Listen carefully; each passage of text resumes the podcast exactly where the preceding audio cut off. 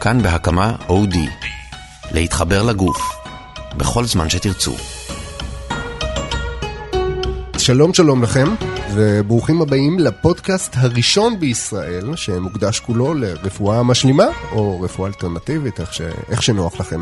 לי קוראים רז חסון, ובכל תוכנית אנחנו נדסקס כאן ונערוך היכרות עם שיטה אחרת אה, בתחום הכל כך מסקרן הזה, שיטות ש... שבטח כבר שמעתם על חלק מהן בעבר, אולי אפילו הרמתם גבה, ושיטות אחרות שמוכרות אולי קצת אה, פחות. בכל מקרה, גם אם אתם חובבי הז'אנר, או דווקא מאלה שלא מאמינים בשום דבר חוץ מרופא מזרק, מעניין, אני מבטיח שיהיה לכם פה. אז אם שמתם לב למוזיקת הרקע, אז היא בטח כבר אה, הסגירה מה, מה יהיה נושא התוכנית. ואי אפשר לקיים אותו בלי מי שנמצא איתי כאן, שלום לאסף מור. שלום וברכה. מטפל ברפואה סינית, מרצה, מורה. נכון. מה שלומך? בסדר גמור. יופי. תקשיב, בוא נתחיל משאלה שבטח שאלו אותך איזה מיליון פעם. אוקיי. למה דווקא רפואה סינית? למה לא? למה כן? אתה שואל את זה בתור אה, אחד שמתעניין בטיפול, או אתה שואל את זה בראייה כללית לעולם? אה, למה רפואה סינית זה טוב לעולם? לא, ס- בוא נשאל כטיפול, אוקיי? יש כל כך הרבה סוגי טיפולים ורופאים ומיליון מחקרים על כל מיני דברים, ואתה יודע, יש איזו שיטה כל כך עתיקה, אלפי שנים, למה דווקא רפואה סינית? תשמע, אני חושב קודם כל שצריך לתת לרפואה הסינית את הכבוד המגיע לה אה, בתור רפואה ששרדה כל כך הרבה שנים. הטקסטים הראשונים ברפואה סינית, שאנחנו מכירים אותם, יכול להיות שהיו טקסטים אחרים שנעלמו עם השנים, עם המהפכות בסין, אבל הראשונים ביותר שאנחנו מכירים נכתבו לפני אלפיים שנה. בערך בתקופה שנכתבה הברית החדשה והנביאים המאוחרים שלנו, אה, בספרים שלנו. ומאז ועד היום הרפואה הזאת אה, מתועדת בספרים, נבחנת, אה, משתנה, לומדת, והיא קיימת כבר אלפיים שנה בערך באותה צורה. אז אין פה איזושהי חולשה, כאילו משהו, אתה יודע, שלא משתנה כבר, כבר אלפי שנים. מה, מה הסיפור? חולשה? אם יש פה משהו שכבר לפני אלפי שנים כנראה שהיה נכון. בגלל יכולות אה, הבחנה שהן קצת שונות, ועדיין תופס במציאות היום, אז אה, זה נהדר. עכשיו, אם זו הייתה שיטה שהיא לא עובדת, או שיטה שהיא אה, לא רלוונטית, כמו אלפי שיטות אחרות, היא הייתה נעלמת מהעולם. זה שהיא שורדת כל כך הרבה שנים ותופסת מקום כל כך מרכזי, כנראה שיש בזה איזשהו משהו שהוא תופס. עכשיו, יש עם זה קשיים. לעולם המודרני, הקושי העיקרי זה לקבל אותה מבחינת הקונספט של איך זה עובד ובאיזה מנגנונים זה אה, פועל בגוף, אבל אה, גם לזה יש תשובות.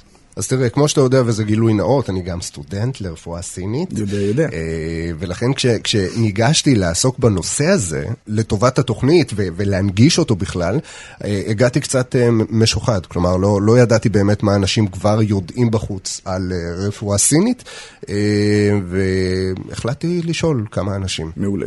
רפואה סינית? רפואה סינית, אוקיי. מה אני יודע על רפואה סינית? אה, רפואה סינית? אה, מקורה בסין. זהו, בעצם. זה פחות או יותר מה. זה רפואה שיותר מתעסקת במניעה מאשר ב...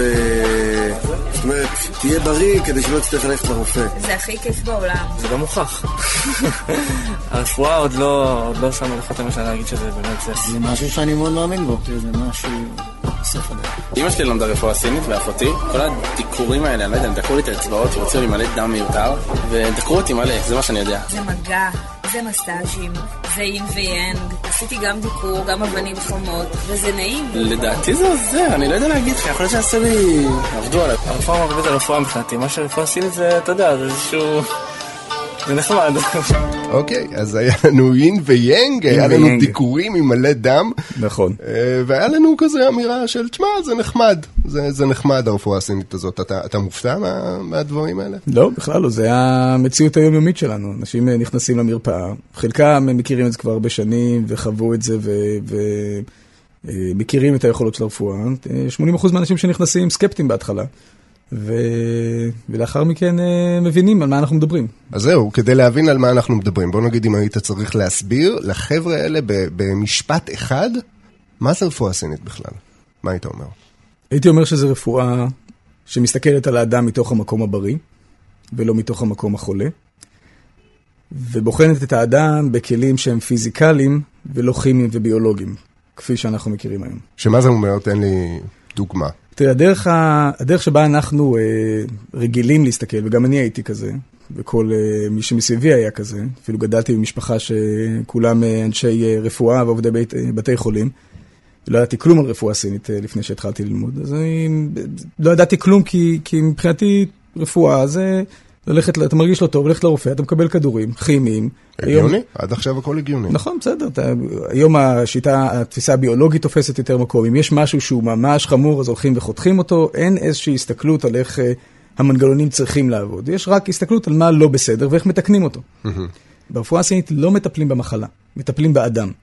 עשרה אנשים יכולים להיכנס, אה, יכלו להיכנס אתמול למרפאה שלי עם כאבי גב, כל אחד מהם הטיפול שלו צריך להיות אחר. כל אחד מהם הסיבה שלו היא אחרת. לכל אחד הדרך שהוא יכול לעשות בשביל להיות בריא היא שונה. נגיד נכנסים שני אנשים, אחד מהם נכנס עם כאב, אה, שניהם מדברים על כאב גב תחתון, אחד okay. אוקיי. מהם אה, מדווח על כאב גב שהוא חד, דוקר, והוא קשה לו, מגביל בתנועה, ואחד מדבר על כאב גב שהוא נמצא שם כל הזמן, מאז שהוא מכיר את עצמו, מאז שהוא ילד. שני, ושניהם אני שואל את אותם שאלות, אותה סדרה של שאלות, מהר מאוד אני מתחיל אה, אה, להבדיל.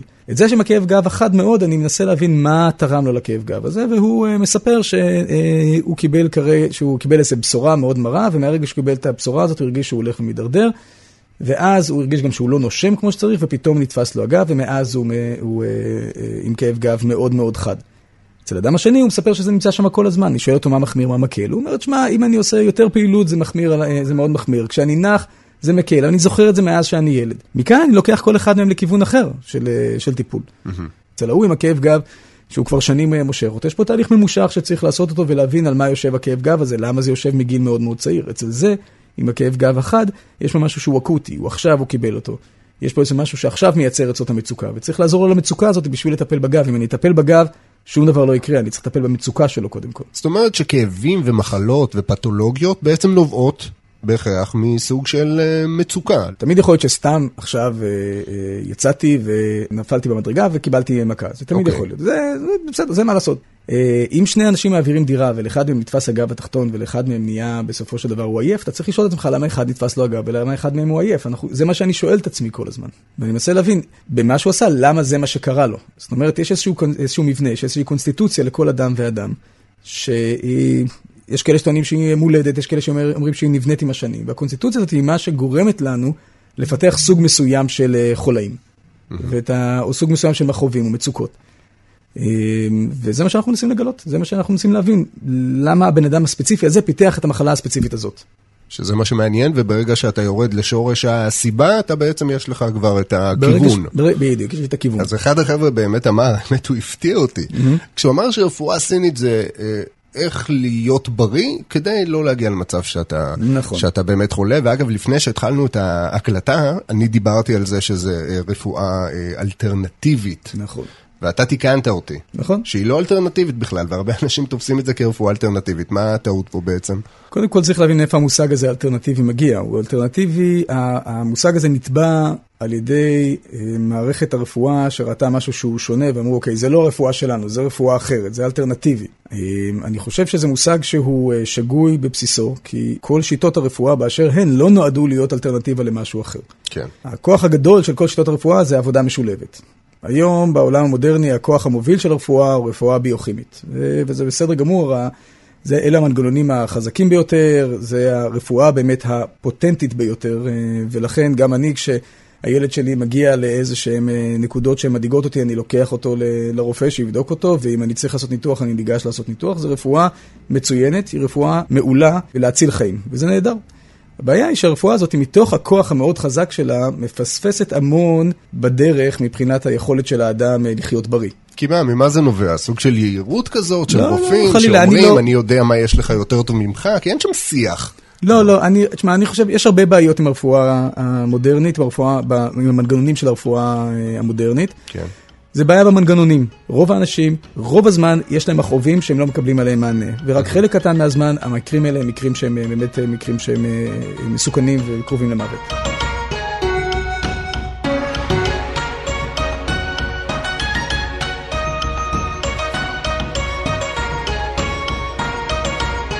באמת בשנים האחרונות התחלנו מה שנקרא להתקרב, אנחנו והרופאים בבתי החולים, נקרא לזה הרפואה המערבית, mm-hmm. כי עד לפני כמה שנים, ויש כאלה שאגב עדיין מתעקשים ב- לאחוז בגישה הזאת, הם מתייחסים לרפואה סינית כמו, כמו וודו, ובשנים האחרונות באמת יותר אתה שומע רופאי משפחה במצבים מסוימים אומרים, תשמע, תנסה רפואה אה, סינית, אולי זה...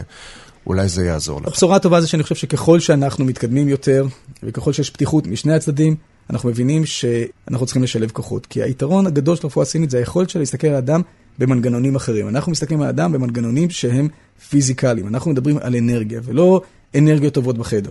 אנחנו מדברים על אנרגיה ברמה הכי פיזיקלית שלה, כמו שאנחנו מכירים. אנחנו מדברים על חום, אנחנו מדברים על תנועה, אנחנו מדברים על פוטנציאל. כל הדברים האלה נמצאים במושג הזה שנקרא לפני אלפיים שנה צ'י. צ'י זה אנרגיית החיים בתפיסה של הרפואה הסינית, מתאר את מכלול התופעות, ובדיוק כמו שמגדירים בפיזיקה, את הפוטנציאל האנרגטי של אה, אה, כל חומר מסוים לייצר אנרגיה, או את התנועה שכל חומר מייצר, או אה, את האפשרות שלנו להגיע ממקום אחד למקום אחר. ככה אנחנו מסתכלים על הגוף. אנחנו מסתכלים על הגוף במשקפיים, כאילו הכנסת את הבן אדם לתוך אה, מצלמה טרמית, שמסתכלת על הפוטנציאל האנרגטי שלו, ולא על התהליכים הכימיים שקורים בתוך הגוף, שהם חשובים. אחלה, הם באמת מאוד חשובים, אבל זה דרך אחת להסתכל, ויש רפואה שעושה את זה טוב מאוד. היתרון שלנו זה להסתכל על הבן אדם ולהבין, הלחץ דם שלו, מה קורה שם בתנועה של הדם לראש שלו, וממה זה נובע, ולמה תקוע לו כל כך הרבה אנרגיה בראש למעלה, ועושה לו מיגרנות, ואין לו מספיק אנרגיה בכפות הרגליים. למה זה? לפני שניגש. לפילוסופיה. בואו נדבר על הכלים שנייה. הכלים. המקובלים היום, שכמעט כל uh, מטופל שמגיע למטפל הוא, הוא נחשף אליהם, uh, השניים הנפוצים ביותר זה הסתכלות על הלשון ובדיקה של הדופק. מה שהמטופל uh, לא יודע זה שגם בדרך אנחנו עושים כל מיני דברים נוספים, אנחנו מסתכלים על זה בפנים שלו, אנחנו מסתכלים על ההתנהגות שלו, אנחנו בוחנים עצמנו באיזה טון הוא מדבר, ובאיזה סגנון הוא מדבר, ואיך הוא נכנס לחדר, ומה הוא... זה קצת מלחיץ, הסיפור הזה. בסדר, הוא לא צריך לדעת הכל, נכון? נכון, זה קצת כמו האוס, אתה יודע, או קצת כן. כמו שרלוק הולמס. ברגע שאני מסתכל על מטופל, מסתכל על אדם, אני מתחיל לאסוף המון המון המון המון פרטים, חלקם אני קולט אותם בצורה מודעת, חלקם בצורה לא מודעת, אבל אני... שעל פניו הם כאילו איזוטריים לגמרי, הוא לא צריך להיכנס לחדר ולצעוק בצורה מיוחדת, או משהו מהסוג הזה. אם אני מאחר לחדר בחמש דקות. כן. והמטופל אה, אה, ישר מסתכל על השעון ואומר לי, איחרת, אני כבר התחלתי את ההבחנה איתו. אוקיי. אתה מבין, פעם זה היה מעצבן אותי נורא, היום הבנתי שזה כבר דרך ההבחנה. ההבחנה, לקוח קטנוני. לא, זה לא לקוח קטנוני, זה לקוח שיש לו צורך להיות דומיננטי. אוקיי. וזה לקוח שיש לו צורך להיות מאוד מאוד מדויק. או זה או זה, אני צריך לבחון בין השניים, זה לא תמיד בא ביחד, אבל נגיד זה, ואני כבר מתחיל לבחון עם עצמי. על פי מה שהוא מתאר, זה למה, אז ישר יושב לי בראש, הוא, הוא עכשיו מספר לי שיש לו אלרגיה, אז אני שואל את עצמי, למה לבן אדם הזה, שיש לו צורך להיות כל כך דומיננטי וכל כך בולט, ו- ויש לו איזושהי אנרגיה כזאת, שהיא אנרגיה מתפרצת וכועסת, הוא לא משהו שהוא uh, שומר לעצמו, אלא הוא מוציא את זה החוצה בכל כן. הכוח. האם זה נשמע כמו אלרגיה? האם זה נשמע כמו אה, מחלה שהיא יוצאת החוצה בכל הכוח? כן. ואז אני מנסה להבין, האם זה מגיע מאותם מנגנונים. אתה מסתכל על לשון, כן. מה, מה אתה יכול לדעת על בן אדם? הרבה דברים. כמו מה? כמו כל הבחנה, דרך אגב זה לא הבחנות היחידות, אם תרצה לדבר עוד רגע על עוד הבחנות, אבל זה לא, כמו בכל הבחנה, ככל שאתה מאומן ביותר אתה יכול לדעת יותר. זה כן. נותן לי איזושהי אינדיקציה. אם אני רואה לשון תפוחה זה אומר לי דבר אחד, ואני רואה לשון דקה זה אומר לי דבר אחר, ואם אני רואה שיש על לשון הרבה מאוד ליכה וחיפוי, אה, חיפוי עבה, שיש עליה, זאת אומרת, איזשהו, אה, כמו שליכטה לבנה כזאת, זה אומר לי משהו אחד לג... אחר לגבי כל המנגנון והדרך של המטופל להתעסק עם הנוזלים של הגוף שלו. זה המון המון המון אינפורמציה שאנחנו אוספים אותה. אוקיי, ודופק זה לא החבר'ה בירקון שעושים אה, ג'וגינג ואז עוצרים ככה על ספסל, בודקים לעצמם גם, דופק. זה גם. מה, מה עוד? זה גם, כי המהירות והקצב נותן לי איזושהי אינדיקציה אחת, וגם העוצמה נותנת לי אינדיקציה אחרת, מאוד דומה למה שאנחנו מכירים מעולם של, אה, של דופק אה, רגיל. אבל uh, uh, מה שאנחנו בוחנים ועליו מתעכבים הרבה בבדיקה של הדופק זה את האיכות של הדופק. Mm-hmm. ומה הקטע של דיקור? למה צריך להיכנס עם מחט כדי להשפיע על העניינים האלה? לא יודע למה צריך, אבל זה מה שעושים. וזה חלק מהעניין של, uh, של הדרך עבודה ברפואה הסינית. אנחנו okay. אוקיי. אוהבים, בגלל שאנחנו כאן מגיעים מתוך איזשהו עולם ערבי, אנחנו אוהבים לשאול את עצמנו למה, איך וכמה. צריך להבין שבתפיסה הסינית המסורתית, השאלה היא אף פעם לא למה, אלא השאלה זה איך. זאת אומרת, אם אני אומר לך שתלחץ על הנקודה הזאת זה יפתור לך את הכאב ראש, זה לא מעניין למה, זה פשוט מעניין אותי שזה עושה את זה. למה לאקמול אתה לא שואל את עצמך, שאלתי את עצמי, לא התעכבתי. ולא התעכבת על זה יותר מדי, אתה מבין? אם הייתי מתעכב, הייתי הולך ללמוד רוקחות ולא רפואה סינית. בסדר, גם שם אני לא בטוח שתמיד כולם יודעים את הדברים. אף אחד לא מאה אחוז יודע למה ויאגרה, שהיא תרופה שהמציאו אותה בשביל לחץ דם, אה, עושה מה שהיא עושה לזקפה. אבל אף אחד גם לא מתעניין בזה יותר מדי, כי זה עושה את זה וזה מגניב. למה לא? יש כל כך הרבה אנשים שחיכו שמשהו יעשה את זה, עד שזה. קורה, שישאלו למה ויקלקלו את הכל. אז לא- מבינים את המנגנון הכללי, לא אבל לא. מבינים ספציפית, כאילו, אם היו מבינים ספציפית, כבר לפני זה היו ממציאים את התרופה הזו. היום יש לנו שני מסלולים של הבנה איך דיקור עובד, מסלול אחד הוא דרך המסלול של מערכת העצבים, שאנחנו מכניסים מחט ומגרים את מערכת העצבים על פי העומקים השונים של מערכת העצבים, האם זה הסנסורית או האם זה הסנסורית העמוקה יותר, ו... אה, אה, ועל בסיס זה אנחנו בודקים היום במחקרים את ההשתנות במוח של, ה, אה, של, ה, של המוח על פי המחטים שאנחנו מכניסים, ויש מנגנון שונה, שני שהוא בעולם היותר אורתופדי, שבוחן את ההשפעה של המחטים על מערכת שנקראת רקמות החיבור, שפעם שחשבו שהיא רק הטיח של הגוף, היום מבינים שהיא מערכת שיש לה יכולת להעביר מסרים בצורה מאוד מאוד ברורה, כשאנחנו נפצעים במקום מסוים. יכולת ההחלמה שלנו נמדדת הרבה מאוד על בסיס היכולת של רקמות החיבור שלנו להעביר מסר למקומות אחרים בגוף שלנו. אז מסתבר שאנחנו מכניסים מחט ועושים מיקרו פציעה או מיקרו מניפולציה לרקמה הזאת, אנחנו מעבירים מסר למקומות אחרים בגוף שלנו, אה, ועל בסיס זה בנויה כל התשתית של המרידיאנים, ההבנה של המסלולי האנרגיה בגוף, ולא תעלות האנרגיה, אלא מסלולי האנרגיה בגוף. מה ההבדל? שתעלות ישר לוקח אותנו למין איזושהי הסתכלות כמו אה, ורידים, ואנחנו מחפשים את האנרגיה שזורמת בתעלות האלה, אוקיי. ולא זורם שם, לא נראה שום דבר שזורם שם, כמו שאתה לא תראה, כשתפתח את החשמל ב- בשקל, לא תראה שום חשמל שזורם שם, כי אנחנו לא רואים אנרגיה שזורמת. אבל אוקיי. אתה יודע שזורם חשמל בין הפלוס לבין המינוס. כן. נכון? הגוף שלנו מייצר חשמל כל הזמן, זה מה שעשו במטריקס, המציאו את המכונות, לקחו בסרט המטריקס, המכונות ייצרו כן. אנשים בשביל לייצר חשמל, בשביל לייצר אנרגיה. אנחנו אה, גוף שמלא באנרגיה, ויש הדרך לנתב את זה. ברגע שאני מכניס מחט למקום מסוים, אני יודע לנתב את האנרגיה לאיפה היא תזרום בגוף. אוקיי, אז מחטים זה סבבה, יש גם פעמים שאנחנו שורפים אנשים. כן, זו שיטה שנקראת מוקסיבציה. אוקיי. אה, אנחנו משתמשים בצמח לענה, זו באמת שיטה עתיקה יותר, שהיא לא מתאימה לכולם, היא מתאימה ל... כן, זה נכון, היא מתאימה לאנשים שאוהבים את. את הז'אנר. מזוכיסטים, קלים. כן, נכון, יש בזה איזשהו עניין קצת ש- של כאב. אה, שמה, פשוט מניחים את זה כן, זה בנקודות נכון, מסוימות, זה- והם זה מציתים עיבוד את של זה. צמח הלענה שהוא הופך להיות אה, מאוד פלסטי, ואז אפשר לעשות ממנה כדורים קטנים כמו פלסטלינה, כן. אנחנו מניחים על אור, מכבים- מדליקים אותם, והרעיון הוא להכניס חום לנקודות הדיקור. שזה מסריח בטירוף. למה יש כאלה שאוהבים את הריח? זוועות. זה הכל תלוי כמה, מאיפה אתה מגיע. עכשיו תקשיב, אצלנו בעולם שלנו אנחנו מכבים ישר את זה, כי הבן אדם הזה לא אוהב את הכאב. בסין ויפן, מאוד, עד היום מאוד מאוד מקובל, שאם לא נשארת קביעה, המוקסה לא עובדת. ומתוך איזושהי הבנה שברגע שיש קביעה בנקודה הזאת, היא ממשיכה לעבוד אחרי זה גם בבית, והם עושים את זה. עכשיו, כמובן לא קביעה דרגה שלוש, גם כן. לא דרגה אחד, זה דרגה חצי. צריבה קלה ככה, שתשאיר. סימן יפה, כן. ו... בסדר, גם. בעולם המערבי יש בדיקות שהם לא, או טיפולים שהם לא נעימים. אתה יודע, שעושים לך, אה, מכניסים לך מחטים שיבדוק הולכה חשמלית אה, של המוח, זה גם לא נעים. לא נעים בכלל. גם הפידורל זה לא כיף. כך שמעתי.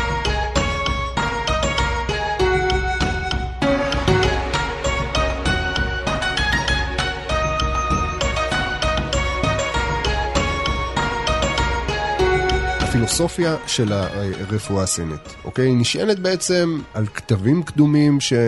שנמצאו, ובעצם אה, השאלה אולי המרכזית ש... ש... שמתוכה הכל מתפתח, זה בעצם, מה זה בריאות בכלל? טוב, תשמע, זו שאלה נהדרת. זו שאלה שאני חושב שכל אדם צריך אה, לשאול את עצמו, ובטח כל מי שמתעסק ברפואה צריך לשאול את עצמו, ומסתבר כשאתה בוחן את זה לעומק, שארגון הרפואה העולמי הגדול, אה, הוא בעצמו לא בדק את זה, אה, במשך הרבה מאוד שנים לא בדקו את זה לעומק, ובשנים האחרונות נעשות אה, עבודות. זה נשמע מסוג הדברים הכאילו כל כך פשוטים שלא צריך אה, נכון, לגעת תשאל. אתה, אני מציע לך להתקיל פעם הבאה שאתה עושה את הסבב הזה, תשאל אנשים ברחוב מה זה בריאות, כן. תקבל מיליון תשובות, תשאל אנשי רפואה מה זה בריאות, ואני לא בטוח שיש להם המון תשובות לענות. גם כשתשאל אותי בהתקלה, יהיה לי קשה לענות על זה, אני לא, אה, אני לא גאון הדור, מה שלי יש, אה, ואני מכבד אותו, זה טקסט שנכתב לפני אלפיים שנה, ששואל בדיוק את השאלה הזאת. אה, וזה טקסט מתוך הספר של הקיסר הצהוב, כמו שאנחנו קוראים לה. הספר כן. הזה נקרא חואנג די ניי ג'ינג סו וון, זה ספר שנכתב אה, בסביבות 500, אה, באורך 500 שנה, בתקופה, סביב אה, תחילת הספירה, זאת אומרת מ-200 לפני הספירה עד 300 אחרי הספירה, וזה ספר שכמו כל הספרים שנכתבו באותה תקופה, הוא נכתב בסגנון של שיח. אוקיי. בין- כמו הספרים של הבודה, שבשיח בין הבודה לבין תלמידיו, כמו הספרים אה, הברית החדשה, בשיח בין ישו לבין התלמידים שלו, כמו הספרים של הנביאים המאוחרים שהם בשיח בין הנביא לבין העם ששומע אותו. זה אוקיי, זה תמיד- מעין אה, התנ"ך של ה- של הרפואה הסינית. כן, עם השנים זה הפך להיות התנ"ך של הרפואה הסינית, התרגום של זה ספר הרפואה הפנימית של הקיסר הצהוב, זה התרגום הלא נכון בעברית, למעשה זה אוקיי. ספר הרפואה הפנימי. הרעיון הוא שזה אה, ספר שהיה בקנון הפנימי של הקיסר, של הקיסרים. אוקיי. הקיסרים היו ספרים שהיו הקנון הפנימי שלהם, שזה היו הספרים החשובים, והיו ספרים שהיו בקנון החיצוני שהיו נגישים לכל העם. אוקיי. זה ספר שישב תמיד בקנון של הקיסר, והקיסר למד אותו. זה היה התפקיד של הקיסר. הקיסר התעסק ברפואה, הוא למד רפואה כחלק מההכשרה שלו. אוקיי. כי הספר הזה, לאורך כל הדרך, מסתכל על רפואה כדרך, כאיזשהו משהו שהוא לא רק אצל האדם עצמו, אלא משהו שהוא כחלק ממנגנון מאוד מאוד גדול. וכמו שהאדם בריא, ככה החברה בריאה. זאת אומרת, אם, אתה, אם המנגנונים של לשמור על בריאות של החברה, הם רלוונטיים לגבי הדרך לשמור על מנגנונים של הבריאות של האדם. זאת אומרת, זה משהו שהוא נטורליסטי. כן, שדבר משליך על דבר למעשה. נכון. אם תדע איך מתנהל, ה... אם תראה מה מצב בריאותו של אדם, נכון. בעצם אתה תוכל ללמוד עליו הרבה דברים. בוא נגיד שלמשל, אה, כמו שהלב יש לו תפקיד בהיררכיה בגוף, ככה גם לקיסר יש תפקיד בהיררכיה החברתית. כמו שהכבד... אה, אוקיי, זאת אומרת, הכבד- על משקל ה. בדיוק. אוקיי. כמו שלגנרל יש תפקיד בחברה, ככה הכבד שהוא משול לגנרל בגוף, גם לו יש תפקיד שהוא די דומה. בסיפור הזה, בעבוד, בהשפעה שלו על הגוף. וזה משתמש באותה טרמינולוגיה ובאותו אה, באותו היגיון, אבל הוא כמובן מתעסק, מתעסק ברפואה וברקמות של הגוף, ולא בכלים חברתיים. אבל הכל מושתת על איזושהי פילוסופיה אחת, שהיא פילוסופיה דאוויסטית, נטורליסטית, שטוענת שהעולם יודע להתנהל מעצמו, והאדם יודע להתנהל אה, מעצמו. מה שקורה זה שאנחנו מפריעים לטבע ולאדם להתנהל, ומכאן מתחילות להיווצר הבעיות. אוקיי. אז אוקיי. בעצם מה הדרך? אה, אני, אני רוצה עכשיו להיות בריא לגמרי, אוקיי? אני רוצה חיים של בריאות, אה, ובוא נגיד לא, לא להזדקק לכל מיני רפואות ועניינים. מה, מה כללי אז זהב? הספר. יש דבר כזה? תפתח את הספר של הקיסר הצהוב, תראה מה הקיסר הצהוב שאל את הרופא שלו, צ'יבו. אוקיי. הוא שאל אותו, How does one go about maintaining absolute health and well-being? זאת אומרת, איך בן אדם יכול לשמור על אה, בריאות ו-well-being? אני לא יודע אם ל-well-being רווחה, אה, לא יודע איך התרגום הנכון לזה בעברית. כן. אה, ואז צ'יבו, שהוא החכם, שהוא כאילו רופא הוא המלך, הרופא החצר, הוא זה שמלמד את המלך אה, רפואה. הוא מכשיר אותו. בדיוק, אוקיי. הוא אומר לו, health and well-being can be achieved only by remaining centered with one's spirit, guarding against squandering one's energy, maintaining the constant flow of chi and blood, adapting to the changing of seasonal and yearly macrocosmic influence, and nourishing oneself preventively. עכשיו בוא נסביר מה זה אומר. אגב, אוקיי. זה תרגום מתוך, uh, של uh, מאו שינג, זה מאוד חשוב לתת את הכבוד למי שתרגם את זה, כי סינית נורא קשה לתרגם, בטח סינית עתיקה. כן. הסימניות יכולות להיות הרבה מאוד אה, דברים. אז מה הוא אומר לו? הוא אומר לו ככה, הוא אומר, בריאות, אתה, אתה תשמור על בריאות על ידי זה שתהיה נאמן לשן שלך. שן זה הביטוי הסיני לנשמה, זה מושג שהוא טיפה יותר נרחב מזה, כי הוא תופס יותר נפח מהמילה נשמה. אוקיי. אה, אבל הוא בגדול, אנחנו נישאר איתו כרגע. אתה צריך להיות נאמן לשן שלך, לנשמה שלך. אחרי זה אתה צריך להימנע מבזבוז של אנרגיה. שמה זה אומר אגב להישאר נאמן לנשמה שלך? אוקיי, שנייה, כאילו- בוא נעבור על הכל ואז נפרט אותם. אוקיי. אוקיי, זאת אומרת, אתה צריך להיות נאמן לשן שלך, אתה צריך להימנע מבזבוז של אנרגיה, אתה צריך לשמור על תנועה קבועה של צ'י ודם בגוף שלך, על אנרגיה ו- ודם, אתה צריך לחיות על פי השינויים של עונות השנה והשנים, ואתה צריך להזין את עצמך בצורה מונעת. אם תעשה את כל זה, תהיה בריא. תענוג. אוקיי, עד נכון. עכשיו נשמע יופי. נכון. עכשיו זו שאלה מה זה להיות נאמן לשן שלך, אם אנחנו צריכים זה? לפרט אותם. קודם כל צריך להבין שיש פה איזושהי היררכיה מאוד ברורה. זאת אומרת, לא סתם זה נכתב שלהיות נאמן לשן זה הדבר החשוב ביותר. כי זה המהות של בריאות. להיות בריא, זה אומר להיות נאמן לנשמה שלך, נאמן למה שאתה צריך לעשות בחיים, נאמן למה שעושה לך הכי טוב, נאמן לת- מי, ש... מי שמתחבר לספרות האלה, למה ש... לתפקיד שקיבלת על פני כדור הארץ, נאמן למה שאלוהים הכתיב לך. אתה יודע, יש הרבה אנשים אבל שאומרים, וואו, הכי טוב בשבילי זה לעשות ככה וככה, ואני אוהב לצייר, ואני אוהב לפסל, ואני אוהב ליצור, ואני אוהב לא יודע מה, והדברים האלה עושים. לי טוב. אז למה הם לא עושים את זה? אבל וואלה, רבאק צריך להתפרנס גם, צריך לעבוד, ואני משאיר את זה בגדר אה, תחביב כזה, שלא תמיד יש לי זמן בשבילו. השאלה היא, האם בעולם מודרני, שבו אתה ואני חיים כרגע, העקרונות האלה בכלל יכולים לתפוס? ברור שאם הייתי יכול... ברור. כי כן, אתה יודע איך- את זה. איך זה יכול להיות? כי אתה יודע את זה שאם אתה עובד, ואני מבין, כולנו צריכים לעבוד. כן. מסביב לשעון, בעולם המשוגע שאנחנו נמצאים היום. בסדר. ולא כולם עובדים במה שהם רוצים. נכון, אבל אה, אה, כשאתה, כשהאנשים האלה שלא נהנים מעבודה, או שלא עושים זה, עוצרים לרגע לשאול את עצמם, רגע, זה עושה לי טוב או זה לא עושה לי טוב? אז הם יודעים לענות על השאלה הזאת. זה בסדר, אנחנו עושים, אה, אנחנו עושים כל מיני פשרות בהרבה מאוד דברים. גם, אתה יודע, אפילו בבחירה שלנו של... של אה, עם מי אנחנו, או איך אנחנו חיים את החיים שלנו. בסדר, אתה יודע, כולנו אוטומטית עושים ילדים, כי זה משהו יצר אינסטינקטיבי שיש לנו, ולא כולם זה עושה אותם מאושרים, ואתה אומר לבן אדם, בסופו של עניין, אתה צריך לשאול את עצמך, זה עושה אותך מאושר או זה לא עושה אותך מאושר, וזה אני חושב שזו השאלה החשובה ביותר בנושא של בריאות.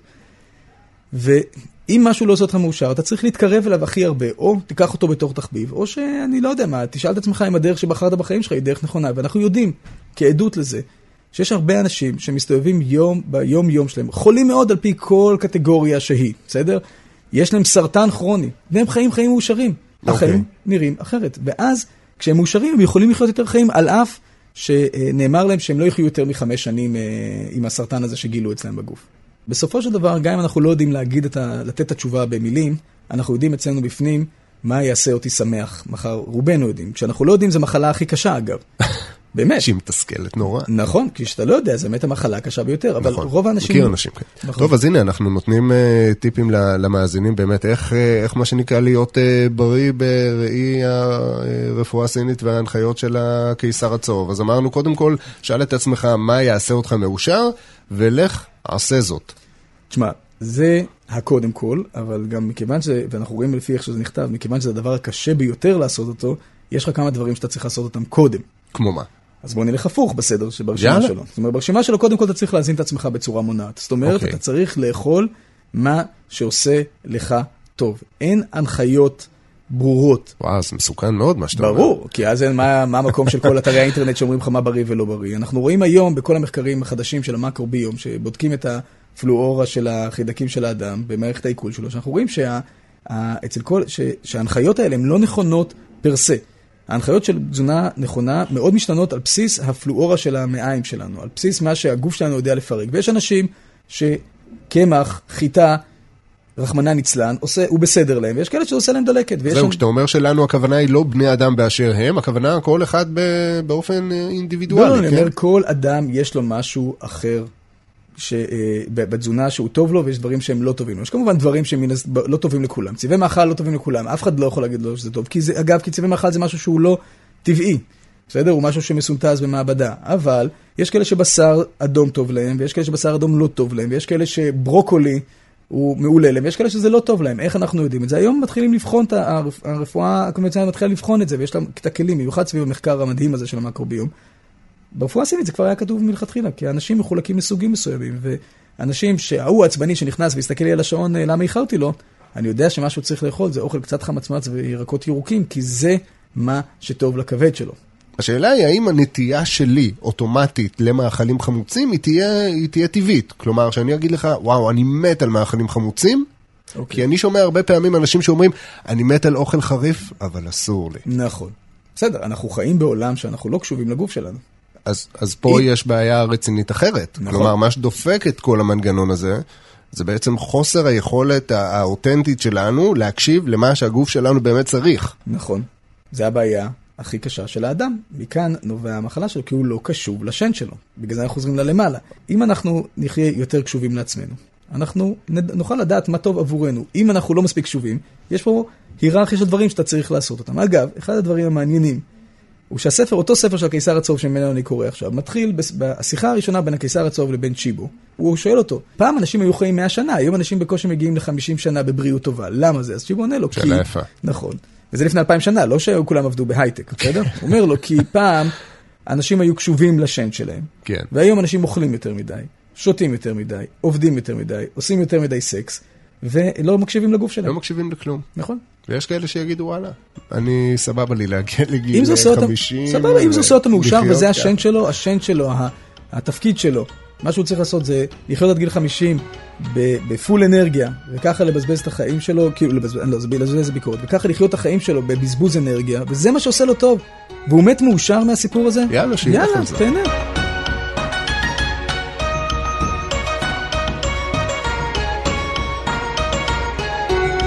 אוקיי, אז דיברנו על הקשבה, דיברנו על הקשבה ברמת ה... נקרא לזה מימוש עצמי, או כל מיני דברים שעושים אותך שמח ביום-יום. דיברנו על אה, ההקשבה לגוף, תאוות נכון. הגוף ורצונות הגוף, השלב הבא זה לחיות על פי השינויים של עונות השנה. וגם כאן, שעל פניו נשמע קלי קלות. בחורף אתה גם צריך לישון מוקדם ולקום מאוחר, כי השמש שוקעת מוקדם ו- וזורחת מאוחר. ומי אז מאיתנו- כאילו זה לציית לשמש. שינה? אוקיי. כשיש הרבה אור בחוץ, אתה צריך, כן. אתה צריך לה, אה, להכניס לגוף פחות אנרגיה, כי אתה מקבל הרבה אנרגיה מהשמש, אנחנו גם פחות רעבים, אתה צריך פחות לזוז.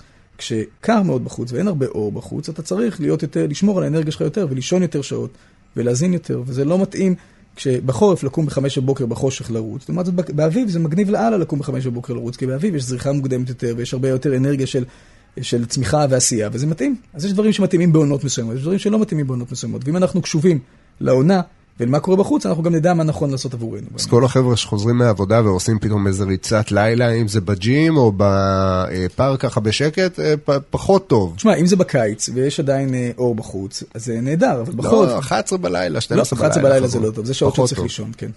אוקיי. אוקיי, וזה מה שאתה צריך להקשיב לשינויים של העונות השנה ושל הירח והשמש שהם קורים ביום-יום, זה הדרך לחיות נכון. אוקיי. זה ומה- הדבר השני. הדבר השלישי בעניין הזה הוא לדאוג לתנועה מתמדת של צ'י ודם. זאת. אומרת, צ'י זה אנרגיה אמרנו, לוודא נכון. שהגוף שלך, שמערכת העצבים שלך, בוא נגיד, נשתמש במושגים ערביים שלא לא. נייצר אנטגוניזם פה סביב המילה הזאת צ'י, למרות שהיא מילה נהדרת. אחלה, אחלה אבל- מילה. כן, אבל אה, זה לוודא שאתה זז.